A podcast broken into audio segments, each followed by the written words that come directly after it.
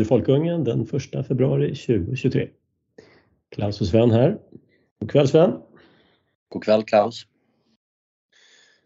Eh, vi fick faktiskt en liten, ett litet meddelande här från en lyssnare som sa att han tackar så mycket för allt vi gör men han tycker det är för långt. Man måste hinna lyssna på ett avsnitt när man är ute och promenerar. Så att, eh, vi får se om vi kan hålla lite kortare då. Eller med spårar som vanligt. Kan inte lova någonting. Det beror på hur långt man går. Ja, precis. Kanske får gå lite längre promenad. Um, ja, men vi kan väl börja med en, eh, ett litet meddelande från eh, någon myndighet. Till exempel ja. till, Tillväxtverket. Ja. Och det här är rykande färskt. Det är, ja, det, det, är lite, det är lite, ja, det är komik, lite tragik. Vad heter det? Ja, det, det, det, det är både nytt och, och komiskt. Tra, tragikomiskt kanske vi ska säga. Uh, men när vi spelar in det här så är det första februari och uh, idag den första februari så la Tillväxtverket upp en nyhet på sin hemsida på eftermiddagen. Uh, med rubriken... Och vad är det här för myndighet ens? Ja, okej, okay, vi börjar där. Eh, Tillväxtverket är en bidragsmyndighet. Eh, som, eh, ska se, kanske, vi kanske kan ta orden direkt ifrån hästens mun här. Eh, om Tillväxtverket, med deras egna ord. Eh, Tillväxtverket arbetar för hållbar tillväxt och konkurrenskraftiga företag i alla delar av Sverige. Det gör vi genom att stärka företag och regioner. Vi erbjuder kunskap, nätverk och finansiering. Det ger direkt nytta till företag och också förutsättningar för företag och regioner att möta framtidens utmaningar. Tillväxtverket är en nationell myndighet med regional närvaro, på nio orter. Ett Sverige med fler företag som vill, kan och vågar är vår vision. På normalt språk så betyder det här då att Tillväxtverket eh, är en transfereringsmyndighet, det vill säga de får anslag och så förvandlar de det till bidrag. Och de bidragen lämnas till både, till både andra delar av offentlig sektor, tror jag, Eh, och företag så att, och föreningar och allt möjligt. De, de är insyltade, insyltade i en rad olika saker som kan samlas under eh, det hemska uttrycket landsbygdsutveckling. Eh, ja, det, här, det här är ju, hela den här landsbygdspolitiken i Sverige är ju är märklig. Va? Först så dödar man landsbygden genom diverse incitament och regler och, och sådana saker. Och sen så pratar man om att hela landet ska leva. Och det ska leva då genom bidrag, är det tänkt, för det, det får inte leva på egen, egna meriter. Ja, visst. Och det enda man egentligen, den enda bilden man, man ger det är ju att ja, företagare då till exempel, de är så dumma i huvudet på landsbygden och i mindre orter ute i landet att de måste ha statliga bidrag. Och det, det, är ju naturligtvis ingen som... Eh, det, det, skänker ingen framtid helt enkelt. Nej. Nej. Uh, det, det, går inte att driva företag på det sättet. Dessutom nej. så är de här, de här pengarna som man får är alltid då behäftade med mängder av rapportering och krav och insyn från myndighetspersoner som har synpunkter och så, och så vidare. Så det, det går liksom inte att det, det bästa sättet att använda de här pengarna är att starta upp någonting, få massa bidrag, plocka ut så mycket man kan och sen låta det gå i konkurs. Ja, precis. Ja, det ändrar ju inte liksom affärsförhållandena. Eh, det går ju inte att påverka det genom bidrag. Va? Det, ja, det är så dumt. Det här, det här, är ett exempel på vad Ludwig von Mises, som är österrikisk ekonomiskt intresserad jag kallar för malinvestments. när, när staten börjar skyffla om pengar, dels via skatt och transfereringar på det här sättet och dels via eh, sedelpressen, Alltså både det som kallas för finanspolitik, skatt, och det som kallas för penningpolitik, det vill säga inflation, sedelpress. Eh, det skyfflar pengar till områden som egentligen inte förtjänar pengar, för annars hade de haft pengar. Ja, ja. Så det, det skapar eh, företag som egentligen inte borde finnas. Och att de nu får pengar, det gör ju inte saken bättre. Eh, nej, de, nej, det här de har är... inte större existensberättigande för det. Det här är bara en upphöjd uh, form av att gräva en grop och sen fylla igen den igen. Ja. ja. Uh, men det, du, du sa en bra grej sist vi poddade och det är att i högskattesamhället så man har dels, eh, man har dels eh, så att säga, de, hög skatt påverkar ekonomiska mekanismer. Den ekonomiska aktiviteten negativt kan vi säga.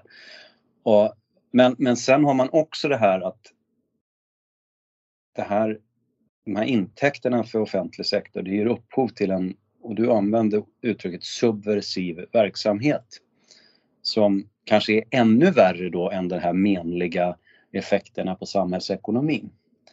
Eh, det vill säga sitter människor och undergräver, eh, ägnar sig åt rena dumheter där, där själva aktiviteterna som sådan eh, förstör samhället helt enkelt. Eh, ta hela hbtq och genus och det här. Va? Eh, jag har ju skrivit en text om, om eh, Eh, utvecklingen på könsdysforiområdet som det heter och hur det bara har växt exponentiellt. Alltså antalet ungdomar som uppfattar sig eh, vara födda med fel kön. Då. Eh, och, och, i den här statistiken så framgår klart och tydligt också att många av de här upplever psykiska besvär. Och, och, då kan man fundera på liksom vad som kom först. Jag, jag menar ju att det här är ju, de här ungdomarna, de har ju lärts. Alltså när samhället lägger resurser, pengar på att lyfta fram en sån här frågeställning så är det helt enkelt massa, massa ungdomar som kommer få för sig att de lider av den här problematiken. Och, och, och resultaten är ju förskräckliga. Alltså, det är hormonbehandlingar, operationer och gud vet allt. Och, och, och, allt är bara ett stort jävla tok som, som skapar bara ett, både lidande och kostnader. Uh, och allting börjar så att säga med att man trycker in skattepengar i organisationer som RFSL då är ett bra exempel. Som he, nästan helt skattefinansierat men ska föreställa vara en ideell förening. Det, det, det är liksom ett skämt alltihop. Ja, de här... det, det, det, är så bra uttryck som du använder, subversiv verksamhet, alltså samhällsundergrävande mm. verksamhet. Du, vi, vi, har väl pratat om glasmänniskorna? Va? Måste ja. ja precis. Det, det, här är typiskt glasmänniskosyndrom, det här med könsdysforin. Och... Ja. Men tillbaka till Tillväxtverket. ja. Och eh, några saker då jag dröjer ytterligare med själva nyheten då som de presenterade. Och så ska vi bara dra några sakomständigheter här. Då är det så här att... Var tog den vägen? Deras årsredovisning smet ifrån mig. Eh, där. Eh, hur mycket pengar omsätter de då? Ja, sådana här bidragsmyndigheter, där får man, när man läser deras resultaträkningar, då får man vara lite försiktig eller, eller lära sig hur man ska läsa dem. Därför att man måste göra skillnad på verksamhetens egna kostnader och transfereringarna.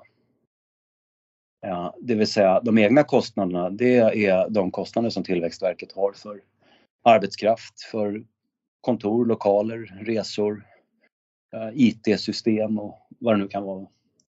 Eh, medan transfereringarna då, det är ju helt enkelt bidragen de delar ut. Och eh, då står det så här i resultaträkningen att transfereringar då, då har de mottagit eh, eller så här står det, medel som erhållits från statens budget för finansiering av bidrag. Och det är alltså, håll i nu, 11,1 miljard. Ja, och då, då, då kommer då det här med verksamhetens kostnader. hur mycket behöver man sätta sprätt på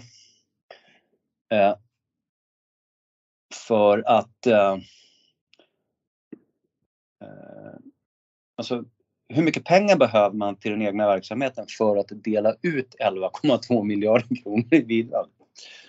Uh, ja, det kan vara oansenliga summor för att jag vet att den här elpriskompensationen man skulle få, eh, den hade ju kostat flera miljarder redan att administrera.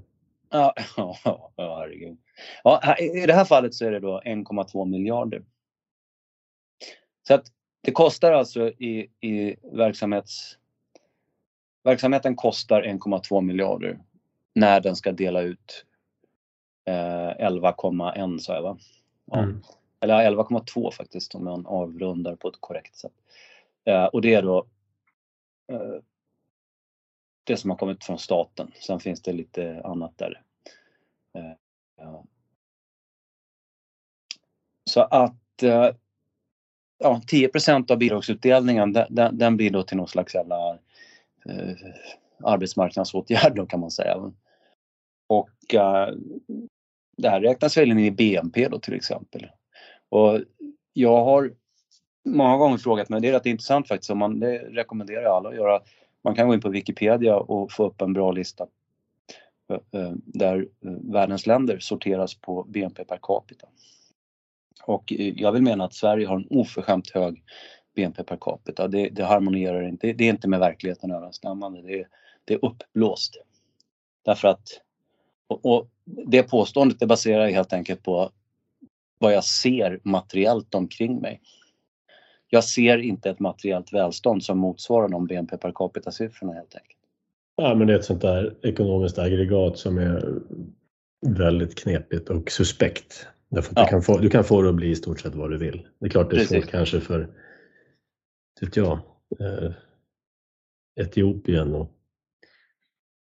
liksom fixa till siffrorna så att de ser ut som ett västland. Men i stort sett kan du, kan du få det där att se ut hur du vill. Jag menar, om, om du har två hemmamammor, om det ens finns sådana kvar, eh, som byter barn med varandra och passar varandras barn och betalar varandra för den här tjänsten. Eh, då bidrar de till BNP. När de passar sitt eget barn så bidrar det inte till BNP. Precis. Så det liksom, mm. Sen finns det en annan aspekt. Ja, sen finns det en annan aspekt att uh, vårt klimat, bara det i sig gör ju att vi får en högre BNP. Vi måste röja snö och värma husen och hit och dit. Det behöver man inte på Jamaica. Liksom. Ja, men och sen då en annan omständighet här, eller faktum. Eh, generaldirektören då, hon heter Elisabeth Backteman. Och, uh, jag tänkte fråga om det var en kvinna. Bekräftar direkt. Mm. Uh, jo, hon, uh, hon är född 1966, man kan hitta henne på Wikipedia då. Och föga förvånande, hon tillsattes augusti 2022. Eh, och eh, jag tolkar det som att jag undrar om man inte kan hitta fler sådana här myndighetspersoner, chefer då, som har tillsatts av regeringen 20, eh, precis före valet 2022 därför att in i det sista ska man använda sin utnämningsrätt. Va? Så att i, i händelse av att man förlorar valet så har man fortfarande massa... Eh, alltså, den djupa staten är kvar? Liksom. Ja, exakt. Ja, och det är ju sosseriet då naturligtvis. Va? Och det, det är väldigt tydligt här därför att det står så här då. Elisabeth Backteman, född 1966, är en svensk tjänsteman. Hon har varit statssekreterare sedan 2014. Till en början på näringsdepartementet hos landsbygdsminister Sven-Erik Bucht och från 2019 hos inrikesminister Mikael Damberg på justitiedepartementet. Det vill säga hon är en sån där eh, liksom Parti, partigängare? Ja precis, hon har partibok. Eller, eller det vet jag inte om hon har men hon, hon är intimt i armkrok med, med socialdemokratin. Eh, eh, man kan fortsätta läsa. Backteman var politiskt sakkunnig hos statsminister Göran Persson 2002 till 2005. Eh, hon har varit verksamhets och ekonomichef på Migrationsverket. Det är fan allt, allt vansinne man kan tänka sig. Mm. Ja, men då kommer vi då till dagens eh, av Tillväxtverket publicerade nyhet. Uh, jag har alldeles för många fönster öppet här. Uh, där. Och den lyder då så här. Agenda 2030 i fokus för Tillväxtverkets nya EU-utlysningar. Eh, vad har cirkulär ekonomi, forskning, kompetensförsörjning, digitalisering, bredband, transporter och infrastruktur gemensamt? De är alla områden som aktörer i hela Sverige kan söka EU-finansiering för just nu. Projekten som får pengar kan vara väldigt olika, men målet är alltid detsamma. Hållbar utveckling och sysselsättning i Sveriges regioner. Och ja, vad ska man säga? Alltså Agenda 2030 är ju en, en eh, ett FN det är väl ett eh, FN-avtal. Alltså. Det är ett FN-påhitt. De hade ju en annan agenda, var det, 20, var det 2010 eller något sånt där förut? Ja, det var en tidigare agenda, sen så körde de Agenda 2030. Det är ett antal så kallade globala mål. mål. Man ska avskaffa fattigdomen och det ska bli global rättvisa och det är miljö och ja, allt det här, alla de här grejerna då. Ingen ska vara ledsen och sådär. Och det här kräver ju naturligtvis då stora globala organisationer för att rodda det här som eh, avhänder nationerna ännu mera makt helt enkelt. Så mer, eh, det är ett projekt för globalt fjärrstyre helt enkelt. Ja, det, det är som skalen på en lök här. Va? Alltså. Du har då Agenda 2030, det är, det är verkligen det är globalt, världsomspännande. FN, Uh, vi kan, jag nämner snabbt här bara. Avskaffa all fattigdom, avskaffa hunger, uh, säkerställa hälsosamma liv och främja välbefinnande för alla i alla åldrar. Uh, uppnå jämställdhet, flickors egenmakt och så vidare. Eh, och sen då, om vi följer det här nu, de här, de här skalen på den här löken då, så, så vad heter det, det stod ju här då att Eh, eh, det är alla områden som aktörer i hela Sverige kan söka EU-finansiering för. Så då, då, går vi från det globala Agenda 2030 till nästa skal på löken då som är EU. Eh, och från EU så följer vi eh, pengar eh, som Sverige betalar en medlemsavgift till EU och så får vi tillbaka en del av det i transfereringar då via diverse fonder och annat som är vikta för särskilda ändamål. Forskning är en sån sak och, och eh, sån här regional utveckling en annan. Va? Och sådana där regionala utvecklingspengar då som det är liksom inte bara eh, Grekland som får det va? utan det får även Sverige. Och de landar då i, hos Tillväxtverket kan man säga. Det här, det här är bara, jag måste bara nämna det är helt sjukt med den här EU-avgiften. Eh, Sverige är det land som jag tror betalar mest i EU-avgift per capita. Okej, okay. ja, det visste inte jag. Eh, och vi har dessutom, den här avgiften växer hela tiden. Eh, och så får vi tillbaks pengar. Så bara det är liksom en helt onödig rundgång. Där kan man ju kapa direkt. Ja. Eh, allt vi får tillbaks kan vi liksom sluta betala in. Så har vi åtminstone sparat lite byråkrati och administration på vägen. Men vi får tillbaks dem, men då är de ju villkorade. Det är ju det som är så äckligt. Va? Ja, precis. Det är som ja. det här med liksom föräldrapenningen. Ja men, eh, ja, men du får vara ledig när du får barn. Liksom. Ja, fast bara om ni delar lika och, sådär. och det är pengar som har konfiskerats så får man tillbaka dem i villkor. Samma sak här. Det är bättre om de aldrig hade tagits och fick styra över dem själv. Ja, visst. Nej, och sen då eh, den här med, så att då, då EU-pengarna åker då tillbaka till Sverige, de landar hos Tillväxtverket. Där sitter det då en generaldirektör som är, är, är klart och tydligt politiskt befläckad och kommer ägna sig åt den här subversiva verksamheten då som jag eh, försökte redogöra för här inledningsvis. Och eh, sen pytsas det här då vidare ut i diverse olika projekt som är, inte i alla fall, men i väldigt många fall fullständigt meningslösa. Ett exempel på projekt som åtminstone ger någonting materiellt, det är att en del av de här pengarna går in i eh, fiberutbyggnaden. Eh, och så gjort. Samtidigt så är fiberutbyggnaden ett bra exempel på ett politiskt vansinnesprojekt. Det var Göran Persson, eh, förlåt, eh, Stefan Löfven som fick någon slags storhetsvansinne och kände väl att rackarns nu måste jag visa mig duglig här på landsbygdspolitiska området. Då. Eh, som man satte upp ett galet mål då att eh, jag tror 98,5 procent eller sånt där, av alla hushåll skulle ha fiber in i, i vad heter det, hushållet ett visst årtal som har kommit och gått för övrigt.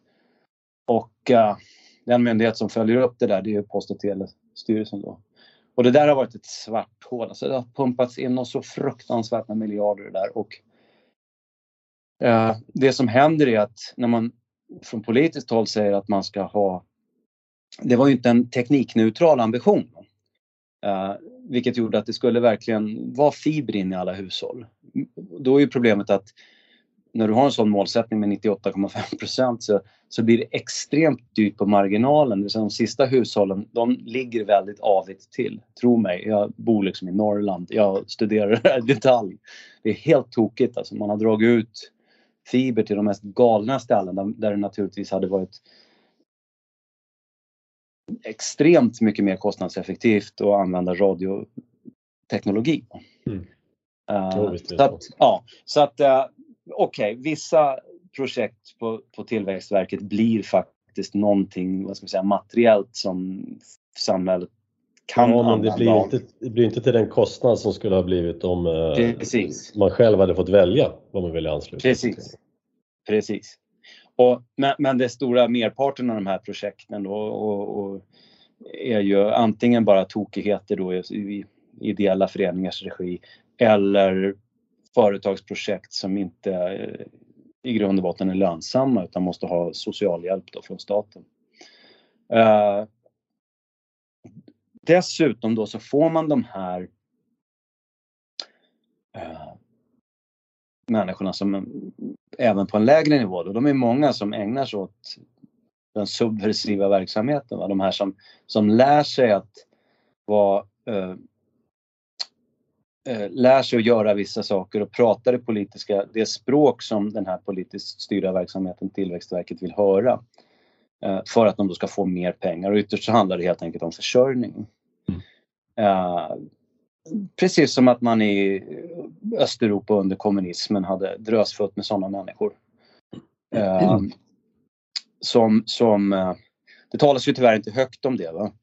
Eh, jag hade anledning att tänka på det här igår för Stefan Torssell skrev en bra grej på Facebook i, det ämnet. Att sådana här samhällen som har eh, blivit, eh, man kan säga antingen ockuperade av främmande makt eller ockuperade av en ideologi.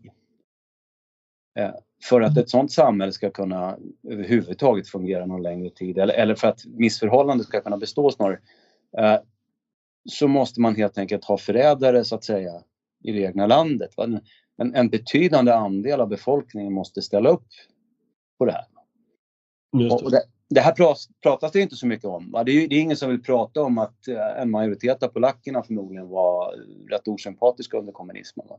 Eller för den delen östtyskar eller och så vidare. Va?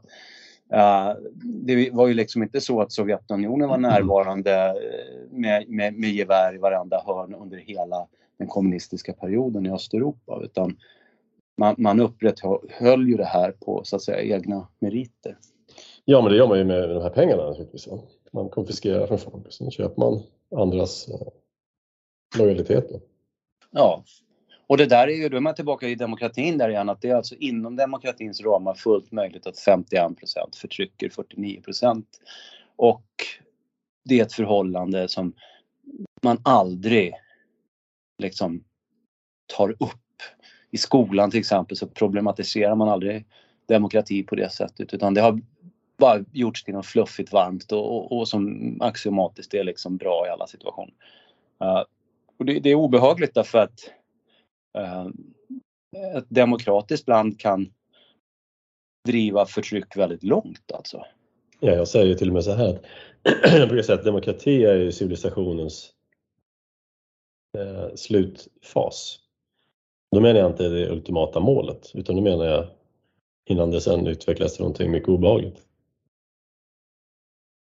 Ja, det, det, det, jag har ju liksom, det har jag nog nämnt tidigare, jag sa det till en arbetskollega då, liksom mer och mer av tiden den upptas ju till att fundera på hur man ska skydda sig mot de galenskaper som vårt demokratiska system skapar. Ja, precis.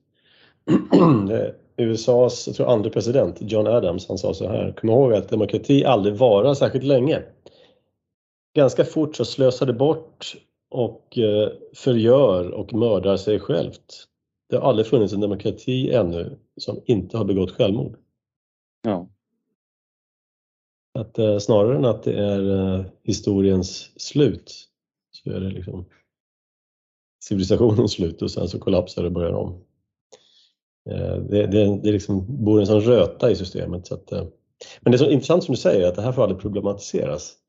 Um, alltså man får aldrig tala om ens systemets svagheter. Nej, precis. Alla, alla system har svagheter. Jag är inte demokrat själv. Uh, men jag, jag kan hyfsat objektivt diskutera fördelar och nackdelar med olika styrelseskick.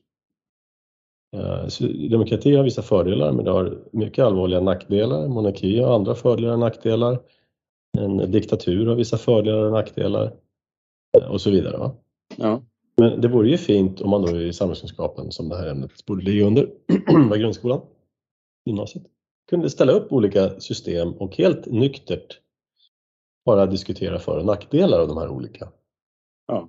Men det görs ju aldrig. Nej, nej, nej. Och, och, och, man kan ju tänka sig då liksom eh, man kan ju ta sin ut, utgångspunkt om man ska, om sånt här ska diskuteras till exempel på gymnasiet så kan man ställa två man kan ställa två rätt så konkreta eh, varianter mot varandra då. Där man kan säga så här att okej, okay, eh, i ena i ena vågskålen här så har vi demokrati men man har i god demokratisk ordning beslutat att skatten ska vara 75% på alla inkomster. Det vill säga medborgarna får bara behålla var fjärde krona de drar in. Eh, allt annat bestäms eh, kollektivt då i de eh, så att säga, demokratiska institutioner, forum, församlingar man har. Hur, hur, hur, hur de pengarna ska förfaras med. Om man nu ställer den eh, situationen mot den andra vågskålen där man har en upplyst despot, en skatt på 5% Alltså om medborgarna har eh, stor frihet. Eh, de, de, eh, det råder yttrandefrihet och, och, och så vidare. Va? Men despoten tar de där 5 procenten. Och det är han som bestämmer hur de ska användas. Hur, hur ska man ställa de här två varianterna mot varandra? Det, det är inte självklart. Nej, jag skulle nog välja despoten faktiskt. Det är ganska eh, ja, ja, det skulle jag, ja, det skulle jag själv göra alla gånger. Ja. Alltså, han, kan kalla, han kan kalla sig för despot och så går han och spelar golf och åker skidor hela dagarna. Och det stör inte mig det minsta. Och lever loppan på sina 5 av, liksom BNP. Ja, det är orättvist. Ja, men jag får det bättre än vad jag har det nu i alla fall. Ja, Ja men precis. Och jag har ju hellre en upplyst despot över mig än, än eh, låt säga fem miljoner galna eh, väljare som var och en är, är liksom en oupplyst despot över mig. Uh, jag har till och med hellre en oupplyst despot över mig som eh, tar 5% skatt och lever loppan. Det finns också en annan fördel med en, en despot, eller med en väldigt koncentrerad makt på det sättet. Det är att den är om den inte är alltför avlägsen, ganska lätt avlägsna. En droppe gift eller en kula. Ja, det där tycker jag, det, det, nämnde du för, ja det är rätt länge sedan, men det tycker jag är ett väldigt det hade jag aldrig tänkt på själv. Men det, det, det är alltså Försök att avlägsna demokrati, den har liksom metastaser i hela samhället. Precis. Precis. Och det tar generationer liksom. Ja, ja titta på öststatskommunismen då, hur, hur lång tid det tog liksom innan uh, Trots, det, det, det är ju också, står liksom lite grann i konflikt. När, när muren föll så var det ju ingen som riktigt, det var ju ingen som ett år före förutsåg det. Utan Ja, precis. plötsligt så skedde det bara. Mm. Och, och, och, och, och det i sig är intressant. Men, men det, det leder också till en naturlig fråga. Det, varför dröjde det så, då så länge? Mm. Alltså, vad var det liksom som egentligen var annorlunda då än låt säga på eh, slutet av 50-talet eller ja. Det, det, det är inte eh, det är inte liksom en lätt fråga att, att, att, att besvara. Nej, det var nog många faktorer. Det var nog dels eh, ekonomin helt enkelt var ju slut. Eh, men inte bara. Det var väl också helt enkelt att folk ville ha jeans och rock'n'roll tror jag också. Det var någon typ av folkvilja där som Ja, man kanske började få upp ögonen helt enkelt för att, eh, den, den divergerande utvecklingen i väst och öst. Och sen ska, det är inte helt omöjligt också att det fanns utländska intressen som var inne och påverkade och så. Mm. Sovjetunionens naturresurser och sådana saker. Man har ju varit på Ryssland under lång tid egentligen. Det, det är ju också faktiskt en, en eh, Det kanske, Ja. det kanske lönar sig att sprida lite rock'n'roll och dekadens eh, om man vill att man vill komma åt ett visst land. va? Skapa Ja. rörelser. Det här så kallade, vad heter de? Astroturfing heter det va? det vet jag faktiskt inte. Det, jag Ja, det, det, det är rörelser som ser ut att vara folkliga men som inte är det. De här typen Ja. av färg, färgrevolutionerna till exempel. Ja, ja, ja. Astroturf är ju sånt här konstgjort gräs. Det är alltså ingen grassroots movement utan en astroturf movement. Det, det finns en, en, en liten detalj där i Östeuropas fall som, som slog mig häromdagen. Och det är att i Rumänien så paret Ceausescu ställde sig mot en vägg. eh, efter en snabb rättegång. Och eh, jag har inga synpunkter på det utan jag, jag, jag har full förståelse för att det blev så. Eh, men jämför då med Östtyskland. Eh, eller vi kan först jämföra med, med, med Gorbatjov i Sovjetunionen. Han, han bidrog ju till glasnost att Sovjetunionen öppnades upp. Eh, och, och, och han, eh, han, han, han var ju en rätt mild eh, människa. Eh, hanterade eh, hela den här utvecklingen på Ja, inte som kineserna på, på, på, i Peking där, när det nu var. Där var det liksom bara hårt och brutalt och, och, man sköt ihjäl ett antal hundra studenter så var det bra med den saken. Men tittar man på Östtyskland. Där hade man Honecker. Mm. Han fick ju lämna Östtyskland och levde sista delen av sitt liv i Chile av alla märkliga ställen. Va? Eh, säger man Ja, Chile och tyskarna, Tysk... tyska, tyskarna brukar ju åka till Sydamerika Ja, vid regimskiften. ja, och jag förstår ju vad du tänker på då. Men, men, men, men varför... Varför blev det inte... Alltså, så vitt jag vet så ställde man ingen till svars i Östtyskland. Och eh, är det helt enkelt för att de politiska implikationerna skulle bli alldeles för stora eh, med förgreningar även utanför för Tyskland? E, eller var det Västtyskland som ville ha det på det sättet och kunde utnyttja sitt inflytande? Såg man framför sig en, alltså en, ett, ett återförenande redan direkt liksom? Eller, ja, nej, det kan man fundera på. Det, det, jag har aldrig hört liksom, någon, någon, någon som är kunnig eh, redogöra för de där grejerna. Jag tycker, det, är- jag tycker det är lite konstigt alltså att så rackarns många miljoner människor levde under det här groteska kommunistförtrycket. Och de enda som sköts ihjäl i slutändan som ansvariga, det var, det var de här konstiga typerna Ceausescu då i, i, Rumänien. Ja, nej, men det, det är en intressant period det där. Må- Många bra spionromaner som skrevs under kalla kriget. Mm. Ja, nu tror jag att vi spårade ur faktiskt. Men, men. Ja.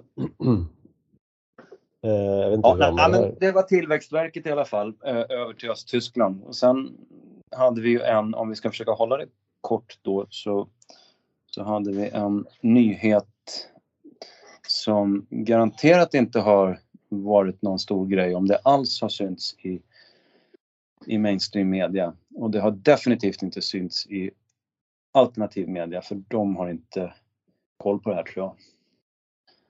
Eh, jag fångade upp det i Elektroniktidningen som jag på grund av mitt arbete har nyhetsbrev ifrån. Mm. Och det är en artikel som säger så här, avtal klart om Kina-bojkott. Och så står det att Nederländerna och Japan har enats om villkor för att ansluta till USAs handelsbojkott av Kina. Det skriver nyhetsbyrån Bloomberg med hänvisning till insatta personer som det heter. Eh, Det vill säga det man, eh, det TT brukar säga erfar. Ja, just det. TT erfar. att- Så behöver inte tala om källa och om det, om det är sant eller någonting Nej. sånt. Och det här är, då, här bör man ju liksom, den som inte känner till halvledarindustrin borde reagera på en gång. Nederländerna och Japan. Fan, liksom, vad, har, vad har de gemensamt och, och varför just Nederländerna och Japan? Ja, men det är väl stora halvledarländer, var det inte det? Ja, halvledarindustrin är lite märklig. Den, den finns ju bara i delar av världen. Eh, alltså själva tillverkningen av kretsar och komponenter. Det finns i USA naturligtvis. Det finns i Europa har ju tyvärr då mist stora delar av men det finns ju fortfarande en del i Tyskland och Irland och, och sådär. Men inte som det var förr. Eh, Taiwan är jättestora. Det finns i Japan förstås. Eh, och det finns i Kina. Och Kina har ju ambition att växa. Eh, det finns även i andra delar av Sydkorea är ju ja, världens största producent kan man säga. Men de gör inte, de gör framförallt minnen. Mm. Eh, Men de är jättestora. Eh, Men det, här, men det är själva fabrikerna då, de har renrum och det är väldigt high tech och eh, ja. Men i de här renrummen där man producerar kretsarna så har man ju en massa olika processutrustning då som gör olika saker. För att man ska då, ja, man börjar med väldigt förenklat med en kiselskiva och sen i slutändan så spottas det ut en, en ja, till exempel en, en, en IC-krets. Då. Eh, och ett av de processstegen som finns i stort sett överallt och det är eh, litografi som är ett sätt att mönstra de här skivorna. Och man kan tänka då, det klassiska exemplet är att göra metallledarna då som förbinder. Men en IC-krets består av mikroskopiskt små komponenter och transistorer, motstånd, kondensatorer och så vidare. Och de förbinds ju sen med, med metallledare. Det kan vara koppar eller guld eller och för att göra den mönstringen så använder man en, en, en, eh, en metod som kallas för litografi. Och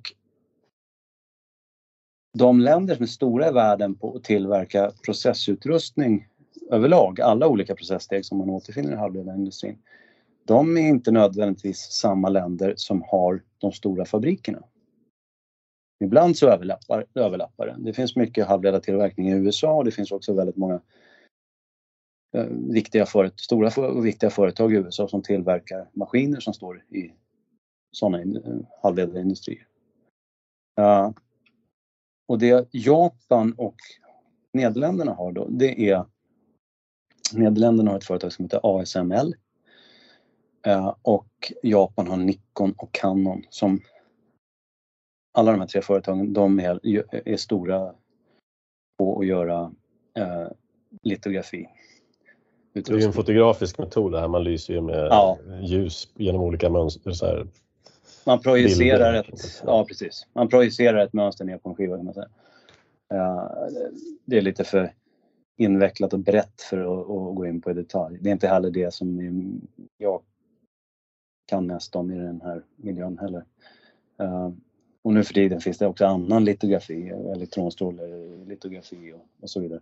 Men vad man vill det är alltså förhindra att kineserna kan köpa fotolitografi uh, utrustning då som man kan göra de mer avancerade kretsarna med.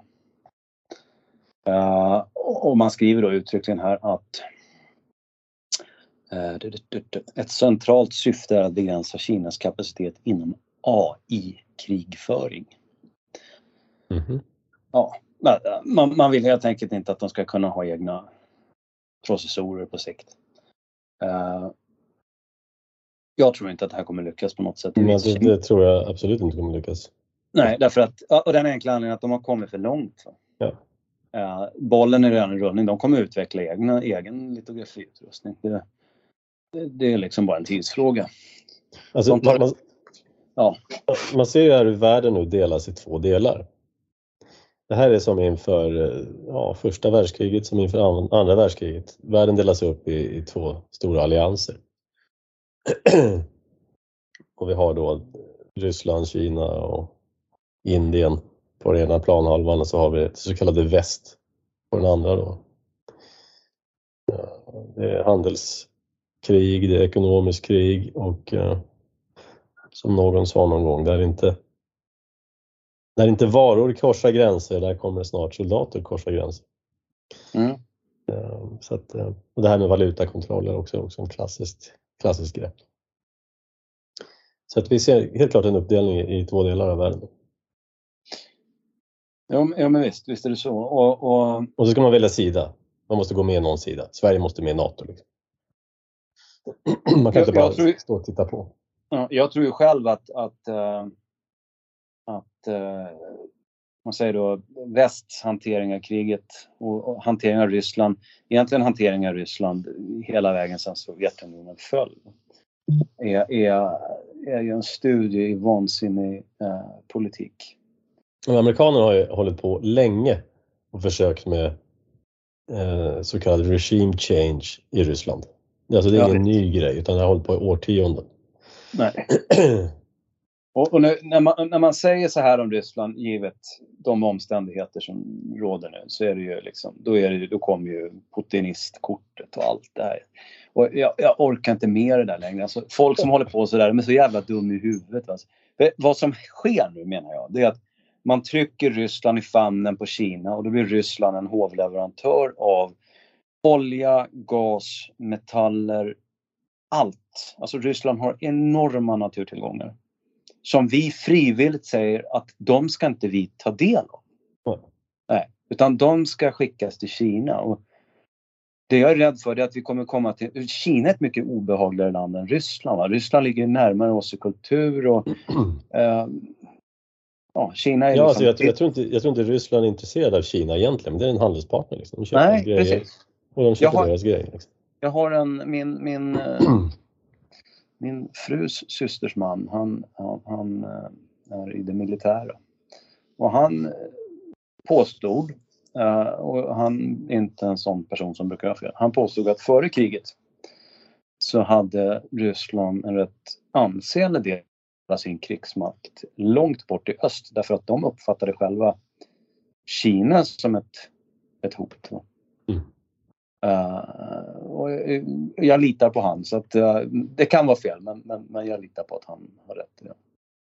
Och, och, och, det ser jag som helt naturligt också då. Men utvecklingen nu har ju blivit sån då att de närmar sig varandra då och även Indien har ju närmat sig eh, Ryssland, köper ju mer olja än någonsin från Ryssland. Skiter fullständigt i vad vi i väst har för uppfattning om det. Och så ska man, man ha klart för sig att Kina har ju sedan länge eh, tentakler i Afrika också. Ja visst, ja, de håller ju på, det är någon slags nykolonisation. Ja, det är, det är en kolonisering av Afrika. Ja, och, och det är faktiskt så att uh, sån här gammal nyhet men som har liksom, jag tyckte den var så intressant och talande på något sätt så att den har liksom fastnat i mycket jag inte kommer ihåg, men det här kommer jag ihåg. Och det, jag vet inte hur gammalt det kan vara, det, kan, det är nog en 15 år eller mer nu sen som jag läste då att Kina hade tecknat långtidsarrenden med, hör och häpna, Ukraina. Mm. Uh, och det var alltså på jordbruksmark då. För kineserna har uh, de är väldigt långsiktiga när det gäller att försörja sin befolkning med livsmedel. Mm. Eh, och, och, och, tänker på ett helt annat sätt än vi... Ja, Sverige är ju ett mardrömsexempel på hur man inte ska göra. Här, här finns det ju ingen... Så, Sverige är ju så märkligt. Här, här, sånt där man inte behöver centralplanera och in, där staten inte behöver lägga sig i. Eh, där centralplanerar man och lägger sig i så mycket som möjligt. Va? Och sånt som faktiskt kräver eh, en stat. Eller, eller, eller kanske annorlunda uttryckt, sånt som staten bör intressera sig för. Där råder det laissez-faire. så, så, att äh, i Sverige så behöver, tycker inte staten att det är, är, viktigt att ha ett beredskapsperspektiv på, på livsmedelsförsörjning och, eh, och även andra sådana här materiella omständigheter i händelse av kris. Då. Äh, vi behöver ju inte ens ett försvar. Man har ju i praktiken avskaffat det svenska försvaret. Ja, men nu har vi ju NATO här att luta mot. När Ryssland ställer upp kärnvapen längs gränsen mot Finland så har vi ju NATO som skyddar oss då mot, mot det där. Så. Ja. Ja, då kommer vi in på det. Där, där är det ju en positiv grej om vi ska... Ja. Avsluta positivt. Ja, precis. Knyta ja, mer, mer grus i NATO-maskineriet, ja. Ja. Det verkar för tillfället vara helt eh, dött lopp där Eller helt dött ska jag säga, inte dött lopp. Helt dött.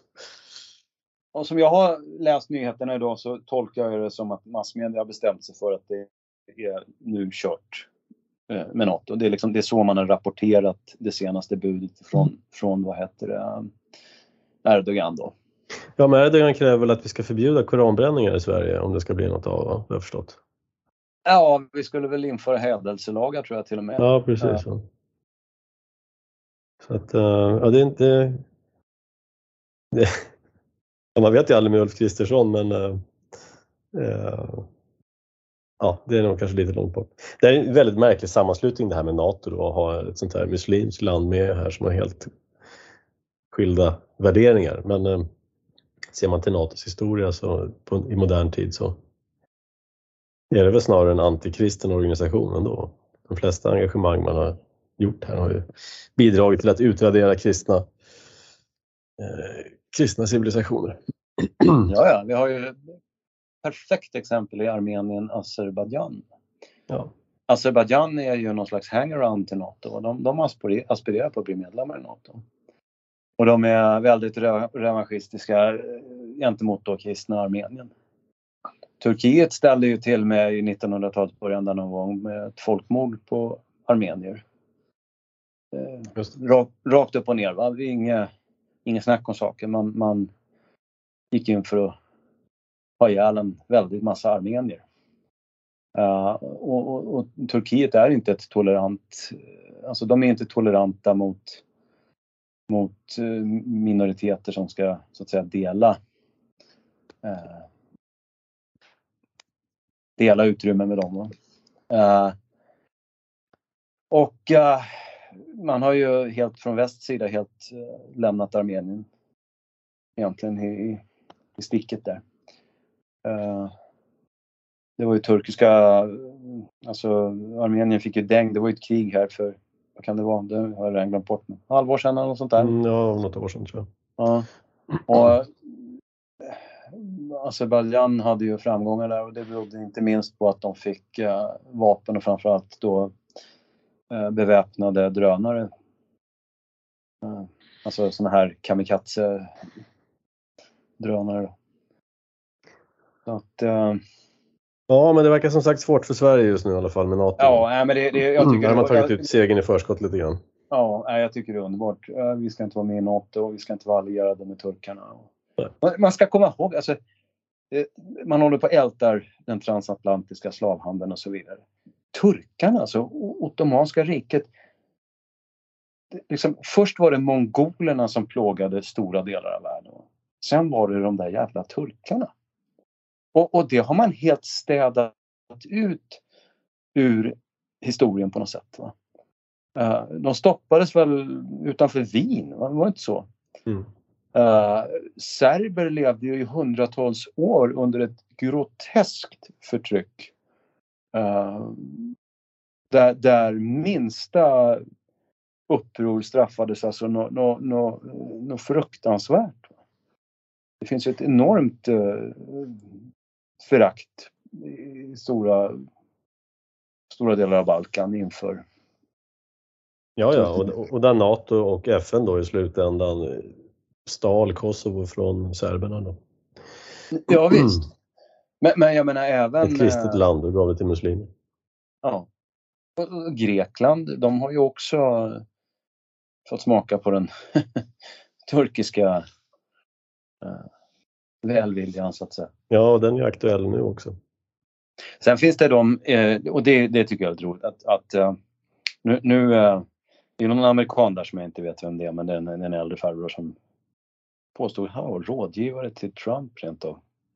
Ja, i alla fall. Han, han har då figurerat här i media eh, och framfört att eh, ja, vi kanske skulle ta och utesluta Turkiet ur, ur NATO på grund av det här som har pågått då. Eh, och det där tycker jag är, är, ja, det är närmast komiskt. Och det, det är massa då sådana här borgerliga typer i Sverige som hoppar på det där tåget då och får för sig då att Sverige med sina 10,5 miljoner invånare och, och, och placering här uppe i Skandinavien är, är så oändligt viktiga för NATO. Mm. Och det, det är ju inte sant. Alltså, vi, vi är ju, den som tror att Sverige är så enormt strategiskt viktig eh, för NATO, den tror ju helt enkelt fel. Va? Ja, man måste alltså, förstå så här. NATO är USA med hangarounds. Ja. Och de här hangarounds, de fyller bara två syften för USA. Det ena är moraliskt stöd. Det vill säga, ju fler som är med i NATO, desto färre som gnäller över USAs eh, eh, ja, agerande. agerande över hela världen. Mm. Det är det ena. Det andra är eh, grupperingsplatser för amerikanska vapen. Eh, I det här fallet vill man naturligtvis ha kärnvapen i Finland och gärna i Sverige kanske också då för att kunna ja, sikta på Ryssland. Det är det enda. I övrigt har vi ingenting att bidra med i NATO. Nej, nej, nej, nej. men jag menar att vi, vi har inte, inte ens vår geografi är något speciellt i sammanhanget. För de baltiska länderna är redan medlemmar i NATO. Ja, Polen är medlem i NATO. Eh, Norge. Och, och, under alla omständigheter så är, vi, är Sverige i praktiken allierade med, med, med NATO. Va? Så att vi, vi skulle aldrig vara fientligt inställda mot NATO. Eh, men jämför det då med Turkiet som har en enormt strategisk placering. Va? Med, med, med kust mot Svarta havet och, och Medelhavet och, och, och, man har alltså man är i beröringskontakt med, med Ryssland via Svarta havet och och man är någon slags brygga mellan Europa och Mellanöstern på något sätt. Va? Uh, man har pipelines och gud vet allt. Va? Och ryssarna kommer, de skickar ju nu in gas där. Eh, och, och, och, turkarna så att säga paket, sätter på ny, ny etikett och säljer den vidare. Uh, att förlora Turkiet som NATO-medlem, det tror inte jag att USA vill alls. Uh, det kommer då ytterligare ett, ytterligare ett viktigt land rör sig österut om det händer. Mm. Du nämnde där uh, Rysslands och Turkiets förbindelser. De har ju faktiskt en hel del. Uh, Erdogan där vid statskuppen där för några år sedan så hade ju han faktiskt hjälp av Ryssland tror jag. Eller han åkte väl, träffade Putin efteråt. Så att jag tror att obehagligt som landet än är så ja, de fungerar ju som allierade va? ändå. Ehm, och, och jag tror inte att i det här tror jag faktiskt att Turkiet är mer på Rysslands sida än på NATOs sida. Ja, ja, det är jag övertygad om. Så det är också säkert en anledning till att man inte vill att Sverige ska gå med också. Men, men, eh, men eh, hur ska jag säga, politiska ledare kommer och går men NATO-medlemskapet, Turkiet, kan bestå. Va? Ja. Uh, Erdogan varar ju inte för evigt och det kan bli en ny regim i, i, i Turkiet. Va? Uh, så, så att uh, det tror jag att amerikanerna vill mista Turkiet som NATO-medlem. Det vore ju, det vore ju strategiskt direkt oskickligt. Mm. I utbyte mot lillepluttländerna Sverige och, och fin, möjligtvis Ja, ja. Det, det, det är ju helt knäppt. Va? Så, och Turkiet har ju dessutom någonting militärt att bidra med faktiskt. Uh, det är ju en ytterst potent uh, krigsmakt. Uh, både så att säga i, i sin beväpning men, men också då, vilket är nog så viktigt, i sitt humankapital. Och med det menar jag att du kan nog slänga ner rätt mycket Kanonmat. Nej, men du kan, du kan nog beväpna holländarna till tänderna men humankapital är vete tusan. Alltså inte riktigt krigiska människor och, eh, och så vidare. Väldigt sympatiska människor men, men inte krigiska. Medan i Turkiet så finns det en, en tradition. Eh, de är helt enkelt duktiga på, på det fögderiet så att säga. Eh, så de, de tror jag man vill eh, vill, jag, jag tror inte att Israel till exempel skulle tillåta USA att eh, släppa Turkiet som NATO-medlem. Aldrig. Nej. Ja, det är komplicerade förhållanden Men- där. Det bra är att vi slipper medlemskapet i NATO. Ja. Och det är ju en, ett positivt sätt att avsluta kvällens prat. Ehm, jag ska säga det att vi håller på att planera en liten folkungaträff här i maj, slutet på maj. Så ehm, skriv upp det i era kalendrar, almanackor. Så ska vi ses där. Ehm, samma plats som förra året och mer detaljer kommer inom kort. Ja, därmed tycker jag vi avslutar för idag.